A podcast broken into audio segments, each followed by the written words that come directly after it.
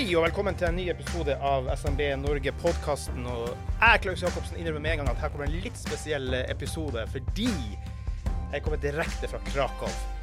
Og med Edge så var ikke det noe god stemning. Så jeg er avhengig av å fylle rommet med full av kunnskap, og det har vi virkelig, virkelig gjort, da. Men aller først vil jeg bare si, siden eh, det er ikke sånn retention at alle hører ferdig alle episoder, så vil jeg bare si at vi tar det til begynnelsen og til slutten, at vi i SMB Norge skal snart arrangere noe som heter Sikkerhetskonferansen. Jørund Rytman, når er det? Det er torsdag 26. oktober. Ja. Da må folk gå inn og melde seg på dinbedrift.no. Det er en av høydepunktene til SM i Norge. Det er Mm. blitt en sånn er femårig tradisjon nå, eh, hvor vi har en halv dag eh, på Stortinget. Eh, Og da er det en del stortingsrepresentanter og rådgivere som også er blant publikum. Mm. Eh, Og så er den resten av halvdagen på et hotell i Oslo. Ja. Og masse flotte foredragsholdere og virkelig bare melde seg på. Det er place to be. Place to be. Place to be. For det vi egentlig skulle prate om i dag, og grunnen til at jeg trenger så mange gode folk her, det er fordi at på fredag så kom jo eh, forslag til statsbudsjettet fra regjeringen. Jeg håper å si regjeringen større. Regjeringen Støre. Så det skal vi prate litt om, da. Og eh, grunnen til at vi da trenger litt folk her, da, fordi at som sagt, jeg satt med Edge i Krakow, fikk ikke planlagt så mye, så heldigvis har vi gode faglige folk med oss. Vi har med oss Ulf Leirstein. Hallo. Du har jo lest et og annet statsbudsjett. Det har jeg gjort Ja. i mange, mange år. Ja. Alltid like spennende. ja. Og Blafre på de samme sidene hver gang, for du vet hva du skal lete etter? Ja, det er riktig. Og så må man også lete etter hva som ikke står der. Ja. Det kan være det, kan være det mest krevende. Ja. Og så har vi med Karl Anders eh, Grønland, vår styreleder i SMB Norge. Du Ja, hva er statsbudsjettet for deg? Er du vant til å lese dem? Ja, vi må jo alle gjennom det. Men det er klart, jeg begynner jo på skattesiden. Ja. Og se hva er, hva er endringene, hva betyr det for de ulike rundt. Ja. Eh, og så er jo neste spørsmål hva betyr det for norsk økonomi. Mhm. Eh, og så er det liksom det tredje som du gjør som bedriftsleder, holdt jeg på å si. Det er å finne ut hvordan bruker man pengene effektivt nok. Ja. Og hvordan gjør man det mer effektivt. Det er liksom de tre spørsmålene du har når du leser det. Eh, Så sånn sett det var litt kjedelig i år. Det var ingen store skatteendringer. Altså, en, en ikke bærekraftig utvikling fortsetter. Det er jo ikke så morsomt. Det ganske kjedelig på alle båter. Eh, og, og, og man bruker eh, man bruker jo nå 74 000 kroner per innbygger. Altså hvis du sier at med tallene som kom inn, Ja, ja. og, og per innbygger, ikke sant? Og hva spørsmålet hva får vi igjen for det? Eh, I forhold til pensjon og fremtidige generasjoner og andre. Mm. Så det er jo mange mors morsomme ting. Effektiviseringen, den har jeg fortsatt ikke funnet. Nei, de ti milliardene som eh, alle snakker om. Så, så, det var liksom kortversjonen av det. Så kommer vi liksom mer på detaljene etter hvert. Ja, eh, Jørund Rytman, som Ulf, og grunnen til at det starten her, du har jo også vært stortingsrepresentant i mange år. Måtte bladde og lete etter de rette tallene da. Men vet du hva, jeg fikk en påstand nå i Krakow, da. For jeg nevnte det til guttene at eh, vi skal snakke litt om da. Jeg husker ikke hvem det var. Så ikke nødvendigvis det var så mange ull innabords, men uansett. Påstanden er det at grunnen til at næringslivet ikke får noe fokus fra denne regjeringa, er at de bare fokuserer på stemmer fra offentlig ansatte. Merk sjøl at jeg syns den påstanden er litt for røy, da. Men man kan jo begynne å lure, ref den artikkelen sto på dinbedrift.no, vil man ikke ha næringslivsstemmer? Ja, tanken har jo slått oss mange ganger, og det er derfor vi kanskje nevnte også da i, på vårt eget fagnested, dinbedrift.no. Det har jo slått meg også flere år etter at jeg også begynte her i SM i Norge for noen år siden. Eh, Men, eh, men jeg har jo registrert det etter å- hva jeg var tolv år på Stortinget, at det er dessverre lite næringslivsfokus blant eh, våre politikere. Så det vil vi selvfølgelig gjøre noe med. Men Men kan man leve på bare stemmer fra offentlig ansatte? Det, det høres, Den vill påstand er lett. Vi er konspillene, egentlig, for å si det sånn, da. Ja, skal ikke være, bli så konspirasjonsteoretiker, men, men, men man ser jo sammensetning på Stortinget. Og hvor kommer de stortingsrepresentantene som sitter der? Det er jo stort sett eh, veldig mye fra offentlig sektor. Og hvis de kommer fra private, så er det ikke som bedriftsleder eller du startet egen bedrift. Eller sånt, du er eh, kanskje da ansatt i en privat bedrift. Så, så det er en eh, uheldig utvikling, og kanskje derfor også vi, eh, byråkratiet eser ut, og, og offentlig sektor blir bare større og større. Mm. og vi så vel det en, eh, ja, for en dag siden, tror jeg faktisk jeg la ut på min egen Facebook-side òg, hvor en, eh, vi, vi er veldig store sa- sammenlignet med andre land vi liker å Ja. sammenligne oss med. Da. Så, eh, så Noen det er uheldig. 40 Altså. og noen har 50% i Sverige og Danmark, og vi er på 2-63. Så det, det, og det er betydelige summer, det. Så det kan vi ta en egen podkastepisode på senere. Men, eh, men eh, ja, årets høydepunkt, eh, statsbudsjettet, det Mm. er jo eh, den største dagen eh, for oss i SM i Norge også. Eh, Ja, men det blir vi er jo håpefulle, håpefulle hvert år. Ja. Men, eh, men det er jo det som Ulf også sier, og vi må også lete etter det som ikke står der. Eh, Mm. Og, eh, Eh, selvfølgelig Man kunne jo vært glade for at det er mye som, at det ikke kom noen kjempestore negative overraskelser. da. Det kan man jo glede oss for. Ja. Ellers så var det ganske kjedelig og traust budsjett.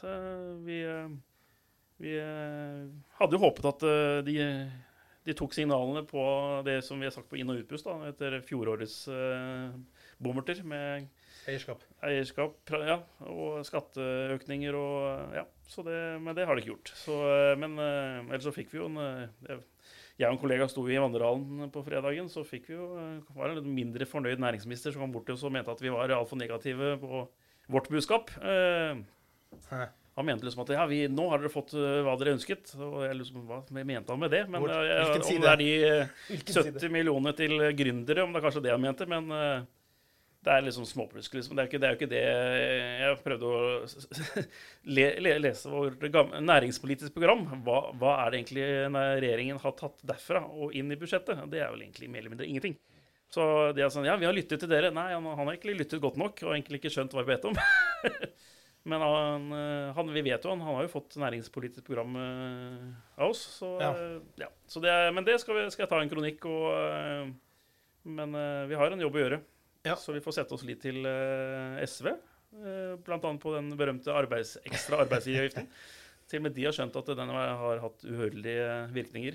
Så, Jeg skrev opp et rop om hjelp til SV. Ja, Det må jo være første gang jeg tror jeg SME Norge faktisk setter sin lit til, til SV i budsjettforhandlingene for å få gjort noe. Men, men SV har jo vært veldig tydelig på at de mener det er urimelig, den ekstra økte arbeidsgiveravgiften på økte lønninger. Så vi får håpe, men jeg er jo jeg er usikker på om dette er noe som SV kommer til å prioritere i budsjettforhandlingene. Så vi Men får se. den ble jo endra.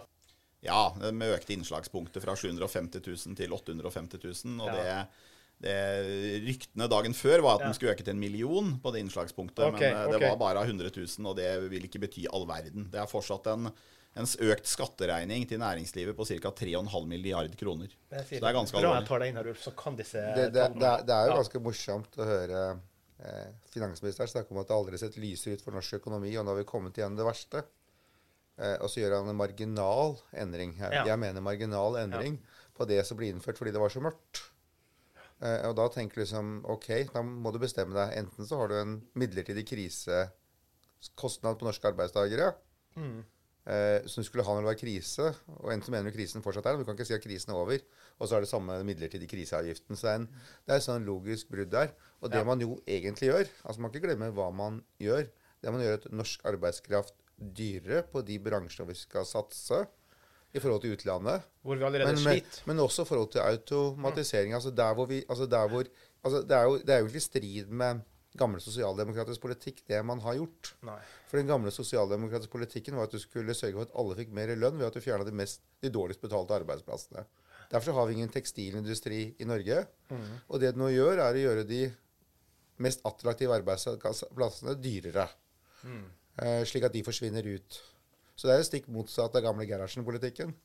Men, men eh, Nå har vi et medlem hos oss som starter den første nordiske tekstil-gjenbruksfabrikken. Så vi så det. det er, kanskje opp for noe. Men det var én ting ifølge en artikkel på dinbedrift.no, og som også eh, vi skrev da, det at regjeringen forstår ikke alvoret for næringslivet. Fordi, som du sier, Veste sier ja, det går så fint og, og flott, da. Men eh, konkurstallene bare fortsetter å raljere. Men si litt om den eh, rekonstruksjonsloven, da. fordi at, Er ikke det et lite glimmer av håp da, som folk burde vite mer om? Jo, det har jo også vært eh, en sak vi har eh, støttet eh, når den var en midlertidig lov som kom ja, Nå er jeg en advokat her også, Karl Anders. Men, og du var kanskje den første som skrev en kronikk om det på din bedrift for to-tre år siden òg. Ja. Men, eh, men rekonstruksjonsloven den, eh, den skulle jo hjelpe bl.a. småbedrifter for å unngå konkurs. Eh, Men jeg har jo en teori at den eh, er fortsatt lite, lite kjent. Ja. Vi fikk jo faktisk SME Norge sammen med Stiftelsen Rettferd fikk jo 3,5 millioner kroner i revidert nasjonalbudsjett for uh, halvannet år siden. Ja. Mm. eh, For å eh, både hjelpe konkurstruede bedrifter og gründere, men også da informere om da denne rekonstruksjonsloven. Da. Mm. Så eh, da vi det var en stortingsrepresentant som spurte om dette her eh, for en eh, halvannet år siden. Så var det liksom, Du kunne telle på eh, to hender liksom, hvor mange småbedrifter egentlig som har dratt nytte av den. Mm. Eh, og nå var det faktisk han eh, KrF, som, eh, Jan Ropstad, Ja. eh, som stilte skriftlige spørsmål nå på fredagen faktisk, eh, om, eh, til justisministeren hvor mange småbedrifter er som har dratt nytte av den. Eh, så det blir spennende å se når da hun svarer innen seks dager. Tall, ja. Men eh, du, nei, du tror jo- ikke de ser jeg- så bra ut? sier, Jeg er ganske sikker på at det er uh, lite brukt. Og, og den gangen, de gangene det er brukt, så er jeg så ganske sikker på hvor, uh, hvor, uh, hvor det er skatteetaten som da faktisk eh, stemmer nei Mm. blant kreditorene. Og da blir det ikke noe. Eh, Og noen ganger også pga. dommeren ikke kjenner til. Jeg pratet senest med en i for, ja, på ja, forrige uke, hvor eh, man har søkt om rekonstruksjon, og dommeren måtte gå ta pause i saken, for hun kjente ikke til loven. Eh, og kom tilbake og nei, bare avviste den, da, fordi da eh, skatteetaten eh, stemte nei. Eh, men selv om alle andre øvrige kreditorer var positive. Mm. Så det er én ting. Eh, også, ja, konkurstallene er økende. Eh, men det som også jeg syns var Og da forstår de ikke alvoret. Eh, ja, og mm. som jeg også så for noen dager siden, at antall betalingsanmerkninger går også opp blant bedrifter. Mm. Selv om det faktisk går ned på privatpersoner. Men det er en del gule lamper som blinker, Mm. som denne regjeringen ikke har tatt inn over seg. Når de da samtidig noen statsråder prater om det går så fantastisk bra i norsk økonomi, og ser kanskje på en del makrotall, men eh, Ja, to-tre selskaper som men, suser inn. Ja. eh, men i hvert fall var det på mange av våre medlemmer sliter, og når de betaler formuesskatt for et, par selskap som går i underskudd, da, Ja. da, er man, det er faktisk sånn som eh, en eh, Var det ikke en til som dro nå? En kjent person? Var det Må si det. Ja. Mm. At det er til hensyn av bedriften jeg nå faktisk flytter til Sveits, eh, siden da slipper man å, han å ta ut eh, utbytte fra bedriften. Mm. Ulf, altså, vi skal jo fokusere på næringslivet. Jeg er klar over det. Men det her statsbudsjettet, sånn som du tenker, hvordan vil det påvirke, og vil det påvirke noe som helst i forhold til dyrtida? Vil det hjelpe å snu oss, eller er det bare en forverring av eh, vondt til verre? Eller hva, hva tenker du? Nei, det blir jo egne refleksjoner om det. Jeg tror det blir, Budsjettet var ganske grått og kjedelig. Jeg vet Man ofte har brukt den betegnelsen før om budsjetter, og det kan man jo si er kanskje bra. At ikke det, man tok den voldsomme ene eller andre retningen. Men, eh, men det er klart at eh, det er litt sånn business as usual. Eh, og det er ikke uvanlig at en regjering går litt sånn lei etter noen år på hvilken retning de skal ta landet osv. Men det virker som denne regjeringen har gjort det allerede etter et par år. Jeg, pleier- jeg syns det var et veldig kjedelig budsjett. Jeg tror dessverre ikke det kommer til å gjøre veldig mye til eller fra i forhold til dyrtid. Um, men det er også en bekymring, da, spesielt i forhold til næringslivet. Ja, for de skal jo selge til oss som har dårlig råd, da. Ja, ikke sant? så en ting er, Nå kommer jo helt sikkert SV i, i budsjettforhandlingene til å få lagt på en del stønadsordninger osv., men det vil jo igjen øke pengebruken, som igjen gir noen utfordringer i forhold til renta. Så det er klart at dette er en balansegang også for regjeringen, og det skal de ha. Det er, det er noen utfordringer, men vi bruker veldig veldig mye penger eh, i dette statsbudsjettet. Oh, yes. Det Så- så, så, grått er det ikke på det, da. for, for den enkelte innbygger så vil man jo ikke ver, verke, ver, hvert fall merke veldig mye forbedringer. da, og Det er, nok, det er nok en utfordring eh, å selge inn til, til velgerne fra denne regjeringen. Ja. Eh, så har vi snakka mye om næringslivet, og det er klart at eh, vi får se hvordan disse konkurstallene utvikler seg. Men det er klart at veldig mange eh, i næringslivet melder jo om utfordrende tider. fordi at forbrukerne, Når forbrukerne har dårligere råd, så Mm. tar også forbrukerne og kjøper mindre varer og tjenester. Og Det vil jo slå ut på, på, bunnlinja til bedriftene. og Det blir jo veldig spennende å se når vi nærmer oss jul og hvordan dette går. Mm. veldig mange bedrifter eh, lever jo, ikke minst i detaljhandel, lever jo av det omsetningen man får nå for å overleve på starten av neste år. Så Ja, det er jo sesongbasert der, og jeg husker bare det var så fint illustrert oppe på Island når de hadde bankkrisa si da, og NRK på intervjuet dem, hva islendingene tenkte da. Ja, nei, da går vi fra dobbelt til enkelt ringt da når vi er på byen. Det var, det var løsninga. Men det er jo det som er realiteten her. Puber, bakerier, klesbutikker. Det er masse jeg bare ser lokalt der det er masse som driver og legger ned nå. For det går ikke lenger. Det er ikke mulig lenger. Og apropos det du sier det med tall, da. Fordi at det var altså anslått Oljeinntektene ble anslått til 858 milliarder inn eh, for 2024. Det var 1413 milliarder i 2023. Det er klart, det har jo kommet disse krigsprofitører alt det greia her. Selvfølgelig skal man kanskje ikke uh, rope ut da. Men man bruker nå i 2024 336 milliarder for å få balanse i statsbudsjettet. Og samla inntekt er 2378,3 milliarder. Utgifter samla 1882,6 milliarder. Og da blir det resterende nesten 496 milliarder plassert inn i olje- slash pensjonsfondet til fremtidige eh, ja, generasjoner. da. Man bruker også litt i, på statsbudsjettet er 26 milliarder i olje, siden vi faktisk er eier der. Så man også bruker litt da. Uansett veldig store tall, da. Karl Anders Grønland, når det er så store tall som det her, og fortsatt er det veldig lite vi finner til næringslivet, hva kommenterer du da? Altså, Jeg tror først vi skal begynne der det var i stad. Altså, Hva er grunnen til at vi har prisstigning i Norge? Eh, og det er jo egentlig to ting. Det ene er jo at valutaen har falt veldig. Altså Vi har en krone som er en brøkdel. Og man kan jo prøve å gjette seg fram til hvis krona, euroen fortsatt har vært en kurs på syv. Hvordan har egentlig prisstigningen vært i Norge? Eh, og det dreier seg om tillit til økonomien og hvor mye penger vi bruker. Vi er jo det eneste oljeproduserende land som har valuta som faller når oljeinntektene går opp. Eh, altså, altså, du, altså Selv Russland, som er i krig, har nesten klart å holde i valutaen i lengre perioder på det samme. De har ikke klart det nå i det siste. Så, så det første poenget er at dette budsjettet har jo ikke hjulpet noe som helst for å få valutaen opp. Så skal jeg ikke gå inn på forbrukersektoren, for det har jo noe med at eh, matvarepriser og kostnader har gått opp. Men det er også både kombinasjon av valuta, men også av et relativt dyrt landbruksoppgjør som går ut over, over befolkningen. Og det remmer rammer våre medlemmer fordi kjøpekraften går ned. Når kjøpekraften går ned, så er det mindre penger til. Og, det er jo måten man har løst inflasjon på, er jo å øke renten istedenfor å styrke valutaen. Så er det ikke så lett å styrke valutaen. Det er mange kompliserende faktorer der. Men et godt tiltak for regjeringen kunne eksempel være å slutte å kjøpe øh, altså selv, og begynne å selge kroner hver gang skatteinntekten på oljen kommer inn, slik at man, øh, og, og så samtidig veksle tilbake den etterpå uten at man kjøper inn. Så det er mange, mange, mange elementer i det som går på politikken. Ja. Eh, men, men vi har kommet i en situasjon hvor egentlig oljepengebruken tas i kroner og svekker valutaen og, og, og, og lønningene i det norske folk.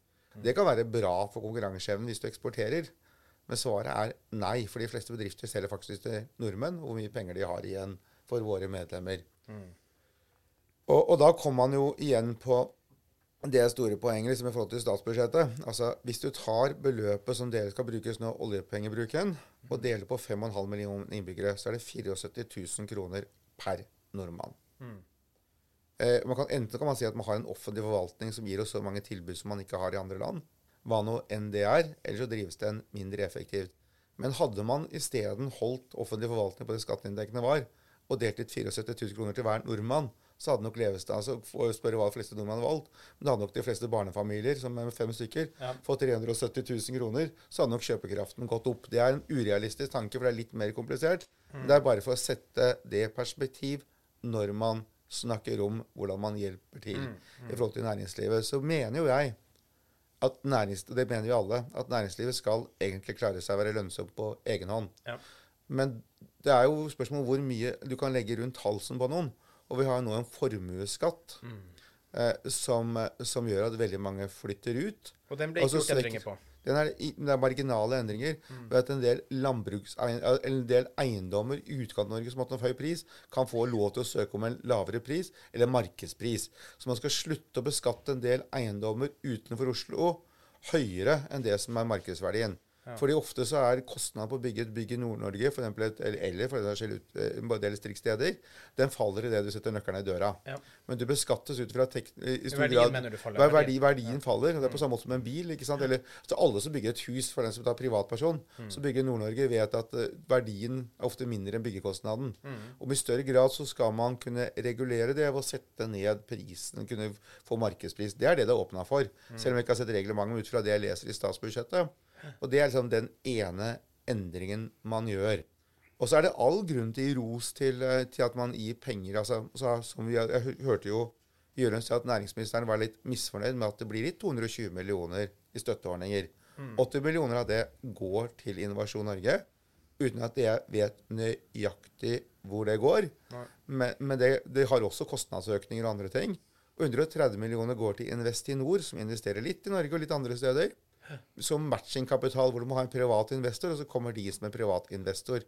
Det at du får investeringskapital, er ikke at pengene gis. De har de samme avkastningskravene som en hvilken som helst ekstern investor.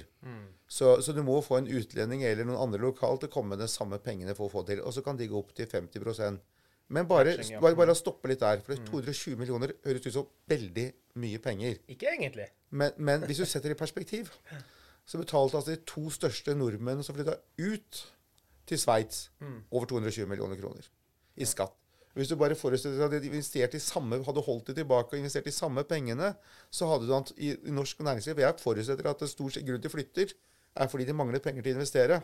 Når de har vært i Norge. Og nå begynner de å investere lokalt i Sveits og, og forsvinne ut. Så er liksom det er liksom en liten justering. Det er de to. altså Det er ikke bare to som har flytta, men Røkke pluss én til er altså nok til å dekke det tapet. Og så beti- betinger du faktisk da, ja, ok, via Investinor, som da krever matchingkapital fra privat eh, Ja, ja. ja, Og den, de private, det blir, blir jo borte. Så det Ja, og får du penger fra Investinor, så må du betale 2% avgift på de andre eierne òg. Så det, på, på vengene inn. Så det er ikke noe galt med det. Jeg syns det er veldig bra at vi får matchingkapital i Norge. Men, men det er ikke penger som gis. Eh, og det at man styrker, invest, altså styrker Innovasjon Norge i utlandet og andre tider, er bra. Ja. Men det er jo spørsmål om hvordan vi bruker pengene. Norge har jo nå, har jo nå, er jo det eneste landet som eksempel i stor grad gir midler gjennom Innovasjon Norge til andre, og, og, og, altså gir fra Bistandsdepartementet til andre penger på utenlandsarbeid, mens de andre støtter lokale bedrifter for å komme seg ut. Så det er veldig Noe av det som kanskje skuffer ja, meg mest ute, vi. ja, ja, Det som skuffer meg veldig, er at man kanskje ikke ser på hvor effektivt vi bruker pengene, og hvor mye det faktisk hjelper norske bedrifter. Ja. For, for to uker siden så var jeg jo og hørte på Ida Wolden Bakke, sentralbanksjefen, da, og jeg fikk jo litt sånn flink pike-syndrom-følelse over henne. Hun var flink og alt det her, det er ikke det, da. Men uh, hun fikk jo også spørsmål, da, bare litt sånn hopp tilbake til det med dyrtid og sånn, da. Ja, hva annet kunne det vært gjort? For det var noen eh, eh, studentene på Universitetet i Sør-Norge var der og fikk stille noen spørsmål. Hva annet kunne vært gjort, da? Nei, da måtte man gått inn med politiske budsjett, så det torde hun faktisk å si da. Og det der er jo noe som man eh, snakker om, man kan gå inn og styre i budsjettene, at staten eh, kanskje dreper litt av inflasjon da. Men det er klart, det hadde igjen gått utover næringslivet. Eh, hva er det som mangler her i budsjettet, Jørund, tenker du? Hva, hva er det du hadde ønska skulle vært der, som ikke er her? Ja, en ting var jeg hadde ønsket meg, siden da, men eh, det er jo eh, mye som jeg skjønner at eh, det er liten sannsynlighet at det flertallet, eller den Nei. regjeringen der kommer. Ja. Mm. Men selvfølgelig, vi har jo hatt mange møter med både ja, næringsminister og stortingsrepresentanter og sånt, så at, at han at har kommet med noen ja, småsaker, det er liksom som ikke koster noe, men som er mye å si, da. Altså men selvfølgelig at man får At det var så mye støy på skattepolitikken, så burde du jo egentlig ha gjort noe med det. Men, men, men la det- det ligge. Men bare det at det koster eh, 4000-5000 kroner å starte en bedrift, f.eks.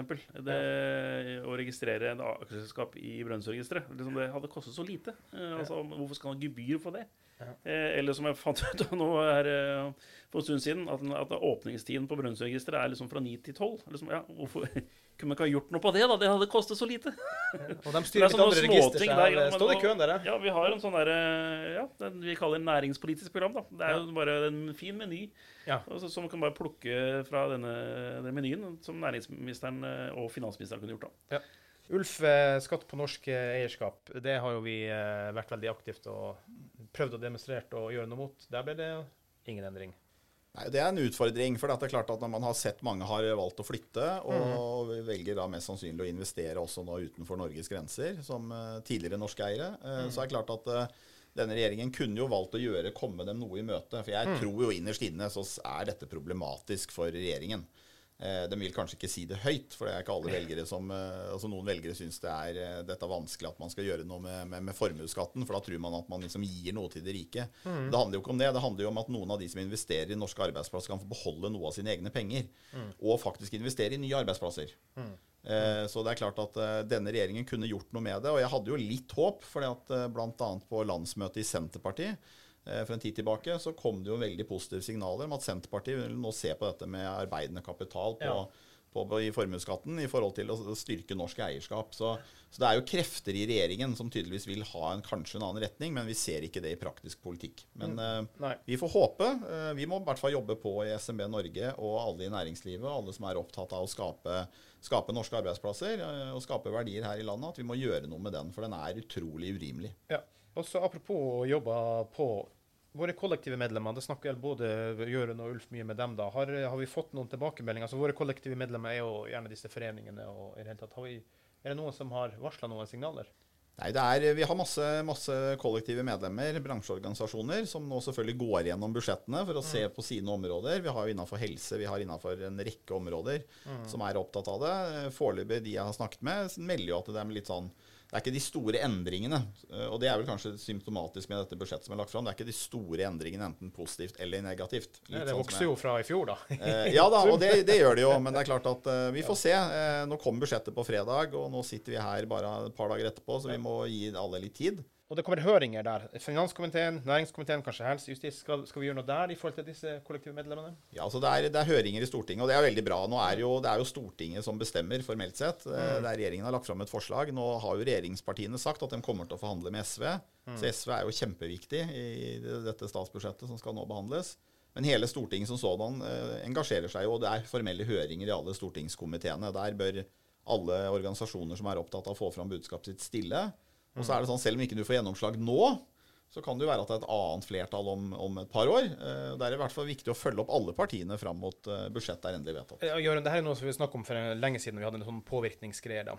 Dag Abrahamsen sa det, og noen av andre våre interne folk sa det her med hvor viktig det er, spesielt for kollektivmedlemmer, å vite at noen ganger må du jobbe fem år for saken din. Ikke, ikke gi opp bare fordi det ikke kommer nå.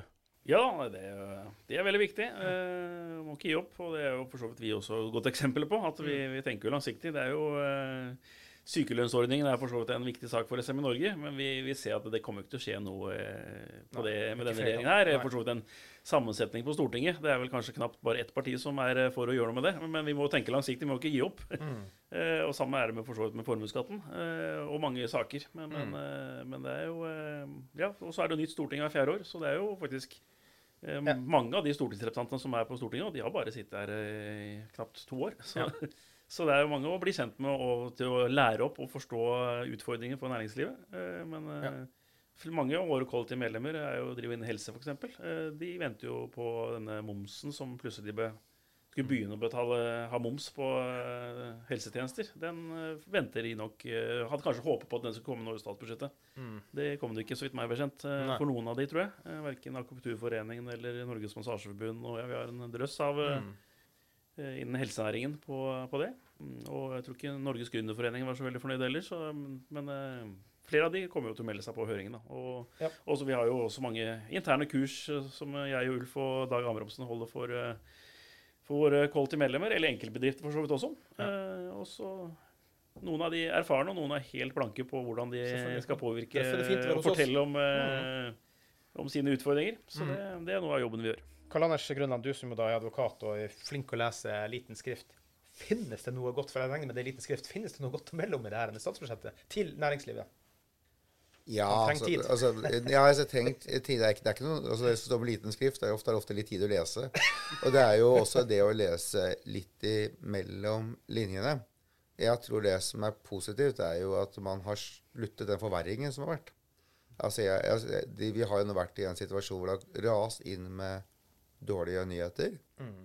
Eh, og det har ikke vært noen forverring. Det er bare ikke tilstrekkelig forbedring. Eh, og det er Én ting er liksom at man kanskje har eh, gjort litt med vindkraftbeskatning som gjør at det kanskje ikke det blir lønnsomt. Men man har jo ikke funnet på de tingene som fundamentalt forverrer rammebetingelsene. Det er, det er, mer mangel på forbedring som kommer. Eller reversering av det som har vært. Eh, er det noe med liten skrift? Ja, altså jeg syns jo på mange måter at når jeg leser litt tonen i det, eh, så har man ikke den fiendtligheten mot næringsliv og norsk eierskap som har vært. Eh, og jeg føler jo, liksom, hvis jeg skal legge godviljen til, og det er godviljen til at man går bort fra en demagogi, demagogikk som har gått veldig på at man skal gjøre eh, forskjellene mindre å ta de som man innbiller seg har mest, mm. til kanskje faktisk å tiltak som gjør at de som har det verst, kommer oppover. For det målet må jo være for alle å sørge for at vi har arbeidsplasser. Jeg likte jo veldig godt eh, finansministeren når han snakket om at man faktisk var tilhenger av arbeidslinja. Altså Man sa det. Det er ikke sikkert det har kommet til nok til uttrykk i alle bestemmelser som har kommet. Det er mange avvik på det. Men bare det at man faktisk sier at folk skal få en arbeidsplass, og at man skal bygge på, altså at uh, man skal bygge på næringslivet og gjøre det lettere, er jo en tone som er bra. Mm. Eh, selv, om, selv, om, det sies med liten skrift, for du klarer ikke å se hvor det står i kapitlene på innholdet. Nei. Men det er jo en endringsprosess, så jeg vil jo på mange måter si at i demagogi så har eh, Vestre fortjent ros. Det er bare det at i innhold og konkrete bevilgninger og, skatt, og, og, skattepolitikk, så har ikke vi sett utslag av det etterpå. Nei, Og forenklingsmilliardene er ikke kommet ennå? Nei, altså man har ikke gjort det lettere, men man har ikke gjort det vanskeligere. Og det er, liksom, altså, det er liksom Er glasset halvfullt eller halv, halvtomt? Altså Det er ikke bra nok for å få norsk næringsliv konkurransedyktig, men det har ikke blitt mindre konkurransedyktig. Eh, og, og, og, jeg syns jo ikke det er bra nok fordi man er ambisiøs. Men det er tross alt bedre enn å måtte bekjempe mot en ny form for skatt som dukker opp. Jeg vet ikke helt om vi skal kommentere så mye mer. Det skal jo være høringer, eh, og det skal jo bestemmes og det skal vedtas. Og der er jo SV, så vi roper jo om hjelp til SV, gjør vi ikke det, Jørund? Jo da, vi er, Så håpfull som vi er. setter vår lit til SV. Eh, så vi er på de og håper vi kan få dem i tale også. Mm. Eh, ellers så kan jeg jo legge til at det er, det er jo for så vidt mye bra i statsbudsjettet. Sånn, F.eks. for eksempel forenkling, da. Mm. De satser mye på det. Men, mm. men jeg, jeg vet ikke om jeg skal gi ros til regjering på det, eller om det er embetsverket. Eller de statlige etater. Så jeg tror nok jeg titter på det liksom i statsbudsjettet. Bare, ja, bla, bla, bla. Vi skal eh, forenkle og digitalisering og x antall milliarder. Og, ja, men det, det kunne bare bytta opp med hvilken som helst regjering. Om, med, hvis SV hadde vært regjering, så hadde det vært eh, forenklingsfokus på, og digitalisering. Ja. Så det er jo mye positivt som skjer, men, men eh, det hadde nok skjedd med hvilken som helst regjering. Og, men, eh, men det er bra at det, det er fokus på det. Ja, og så, så må det jo sies at dessverre at SV nok er nok de man har stagga i ønsket om å ramme næringslivet litt. Det er de man har måttet bremse. Ja, da, I retorikken så kan det oppleves sånn, men jeg tror de aller fleste på Stortinget skjønner jo at vi trenger et næringsliv. Eh, De er veldig glad i å bruke skattepengene som genereres fra norsk næringsliv. Så det, jeg tror alle på Stortinget er opptatt av at vi faktisk skal ha et eh, næringsliv. Jeg tror også SV er opptatt av at vi skal ha et privat næringsliv, og de har faktisk mange som jobber i privat næringsliv på forskjellige steder. Eh, Men ut, utgangspunktet her er jo disse store linjene som kommer i et statsbudsjett. Ja. Eh, Det forteller en og da, og da kan du jo si, Jeg sa i stad at statsbudsjettet er litt sånn grått og kjedelig, men det kan også være en fordel da, for at denne forutsigbarheten som SMB Norge og næringslivet har etterlyst, den er jo bra. At ikke det kommer store grep som Ja. snur opp ned Ja, på. ikke hver gang, Eh, sånn som vi så i forhold til lakseskatten, sånn, hvor det plutselig kommer fra en dag til en annen en voldsom endring for en stor næring. Eh, Og det var der jeg de- mente at SV ble stagga. ja da, ja da, nei da, men det er klart at eh, jeg tror Og det er jo, det er jo, ikke, man, det er jo ikke store ting man endrer på nødvendigvis i et budsjettforlik. Eh, det er det nok ikke, selv om SV har nok store forhåpninger. Men det vil jo være begrensa hvor store endringer det blir. Eh, men jeg appellerer også til SV og tenker på at vi trenger privat næringsliv. Og vi trenger, eh, vi trenger å få gjort noe med den, de urimelighetene som ligger. Og så er det selvfølgelig mye, også mye bra i statsbudsjettet, som, som Gjørud nevnte. Det må vi ta, ta med oss. Og det skal den få. Selv om det hadde vært med enhver regjering, så får denne regjeringen også få kred da, for det som er positivt. Eh, og det er i hvert fall, De har i hvert fall ikke stoppet forenklingsarbeidet som pågår. og det, jeg, jeg, jeg tror nok næringsministeren er opptatt av at dette skal fortsette. Ja. Han har jo drevet business selv, så han vet Ja. jo litt om det. Kvernes litt sakte i hjulene der. da. Jeg vil bare oppfordre alle sammen, som sagt, eh, sikkerhetskonferansen igjen, Jørund. 26. Ja. oktober I Oslo, selvfølgelig. i Oslo. Ja. Så venter, venter egentlig på svar fra, fra justisministeren om hun kommer. Men Mm. eh, vi har jo tidligere sikkerhetskonferanser hatt justisminister eller statssekretær. Men, eh, så vi får mase litt på, på hun. Men, men eh, men eh, på. det blir veldig bra. Det blir, tror jeg blir tidenes konferanse. Mm. Og så vil vi gjerne oppfordre dere til å ta kontakt med oss. Podkast med C at smbnorge.no. Gi oss en femstjerners rating på Spotify og Apple Podcast. Det betyr mye. Del oss med dine kompiser og komponier oss og businessvenner i det hele tatt. For det, det betyr litt mye. Vi er en eh, liten nisjebedrift som også er en liten nisjepodkast, opptatt av deg. Ja, når vi først uh, snakker om konferanse, kan vi også legge til 6. desember. Da er det da hvor vi kaller det desemberkonferanse. Med julebord. Så Blir det grøt? kryss, kryss det av i kalenderen også. Det er vel onsdag, tror jeg. Julegrøt? Kanskje blir grøt òg. Med mandel? Blir det mandel, Karl Anders? Alltid mandel. Tusen takk, gutter. Så eh, høres vi igjen plutselig.